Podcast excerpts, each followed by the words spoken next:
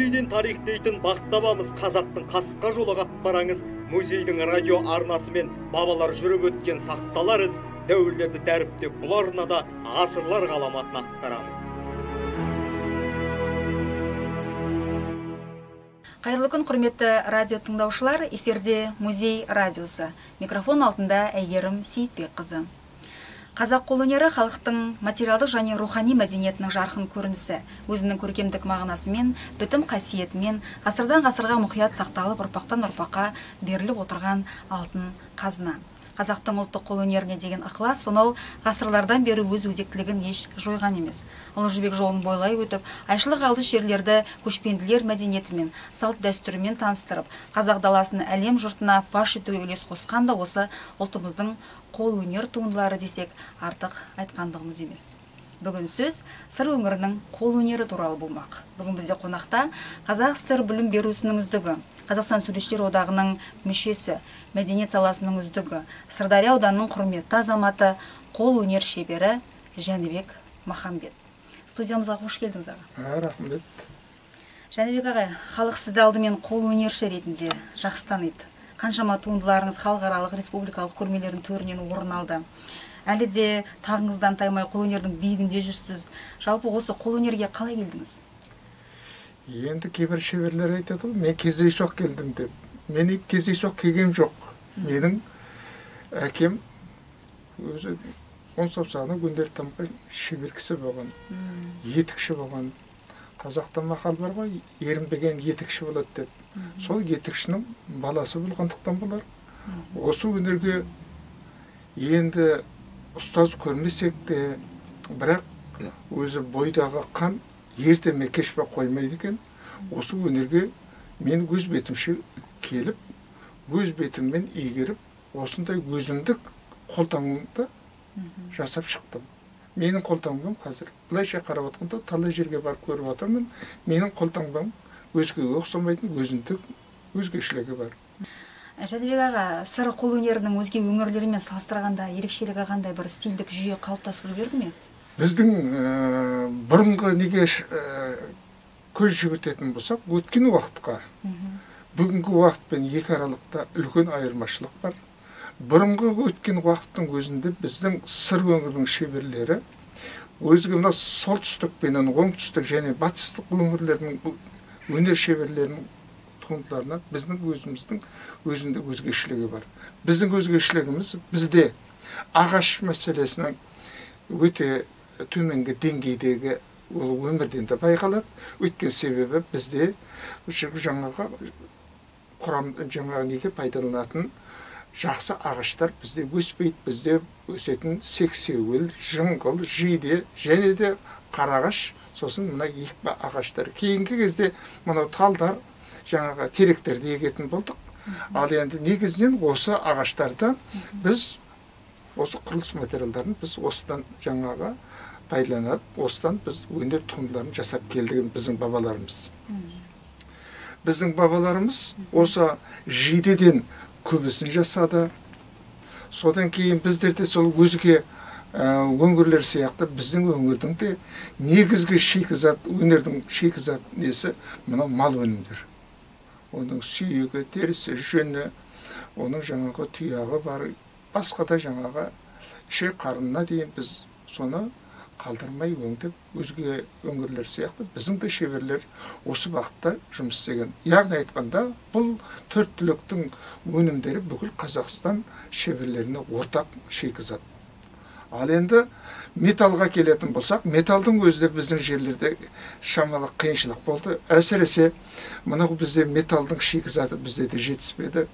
Ең несі жақсы дамыған кезі 1905 жылы мына біздің шойын жыл өткенде осы жерде біздер металдың негізгі келуі бізде осы бақтан аладау деп ойлаймын. Өйткені себебі біз осыған дейін біздерде металдың келуі бізде жолы басқаша болды. Енді мынау темір жол негізінен металл болғаннан кейін біздің темір ұсталарының жұмысы қарқынды осыдан былай қарай жақсы дамыды деп айтуға болады. Енді жәнібек ағай сыр өңірінің ұста шеберлері кімдер болған? біздің сыр өңірінде бүкіл қазаққа танымал деуге де болады небір атақты шеберлер өткен. темір ұстасы болсын ағаш ұстасы болсын киізбенен басқа да мына өнердің түгел салалары бойынша керемет өнер шеберлері біздің сыр бойында да дамыған. себебі біздің осы сыр бойы біздің яғни айтқан кезде жібек жолының бойы да айтуға болады. Өйткен себебі шығыс пенен батыстың екі аралықтағы сауда несіменен осы өнердің түрлі түрлі салалары біздің шеберлер де сол нелерді үйреніп солардан көріп соны өзін қазақтың ұлттық өнері есебінде соны бейімдеп соған жаңағы өнер туындыларын жасап отырған. Мысалға зергерлік өрнектер болсын мына қыш құмыра болсын мынау жібек мата болсын басқа да осы нелердің өнердің осы нелерден дайындалатын өнер туындылары осы сол жаңағы жібек жолының жаңағы бойындағы осы өзінің тапқан өздерінің жеткен жетістіктері осы неменен осы керуен жолындағы өтке өзге елдердің өнер туындыларына қарай отырып дамытылуы. Біздің елде ә, оның былайша айтуға да болады менің өзімнің ауданымның көлемінде біздерде кезінде осы сыр бойында қараөзектің бойында атақты тотпан ұста болған. Ол тотпан ұстаның халыққа сондай қайырымдылығы ешкімнен ешнәрсе ақы сұрамаған келген кісінің мәселен қайтармай қажетін орындап берген. Яғни айтқанда ел құрметіне бөленген. Бұл кісілер еш уақытта біз қазіргі бүгінгі таңдағыдай кесімді баға қоймай келген кісінің тапсырысын өзінің қолынан келгенше орындап берген. Ал ағаш ұстасының өзінде де мысалға марқа қобландин деген атақты ағаш шебері біздің ауданның орталығында өмір сүрген.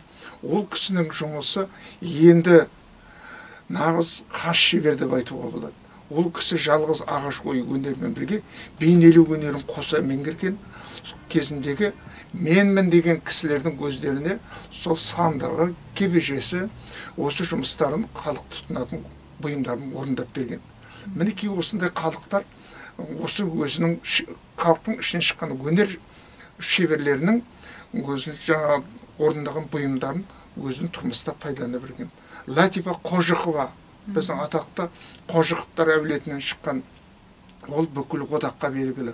Қатша өтешева деген кісі бүкіл бірінші екінші сссрдің кезінде бүкіл одақтық өнер фестиваліне қатысып сонда жоғарғы нәтижеге жетіп ол кісінің еңбектерін сол ленинградтың эрмитажында да алып қалған деген әңгімелер бар бұл кісінің еңбегін.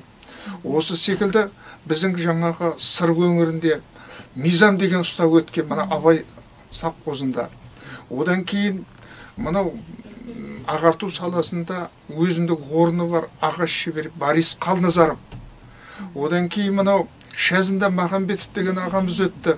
Биология ғылымдарының кандидаты мынау чума несінің да қызмет еткен. Бұл кісінің домбырасыменен ол домбыраның қорабын жасау шебер еді. Мінекей осындай осындай шеберлер біздің сыр өңірінің анау атадан бермен қарай келе жатқан мұрасын осы бүгінгі бізге жеткізуші осы шебер кісілер. Осы кісілердің еңбегінің арқасында біз солардың жұмысын көріп соны біз өзімізше түрлендіріп жасатқан жасап жатқан жайымыз бар. Кешегі өтіп кетті. Жаңағы сыражидин акимов деген ағамыз өтті. Ол кісі де өзіндік жаңағы қолтаңбасыменен неде қалды.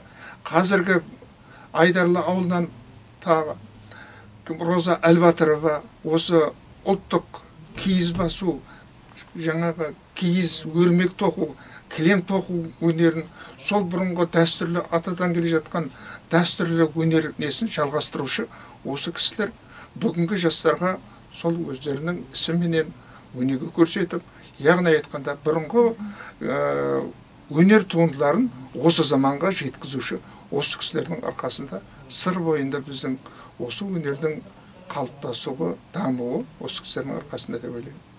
Жәнібек ағай қазіргі таңда осы қолөнерді әрі қарай дамытуда қандай шаралар атқарылып жатыр?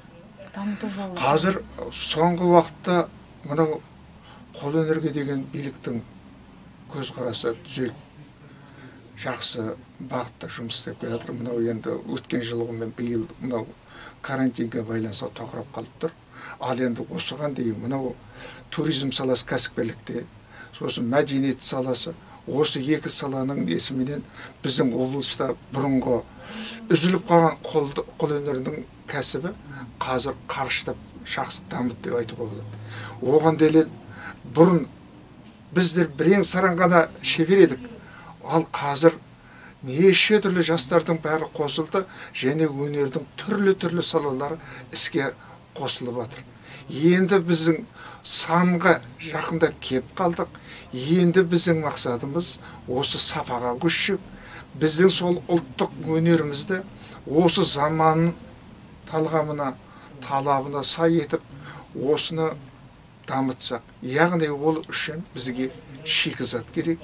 Осы шикізат жөнінен мынау ә, кәсіпкерлер үлкен үлкен кәсіпорын иелері осы шикізат өндіруде өзі қолға алса мынау қазақ қолөнері одан да әрмен қарай дамиды. Яғни айтқан кезде біздің қазіргі қазақ қолөнер шеберлері көбісі мынау шетелден келген дайын шикізат өнімдеріне тәуелді болып тұр.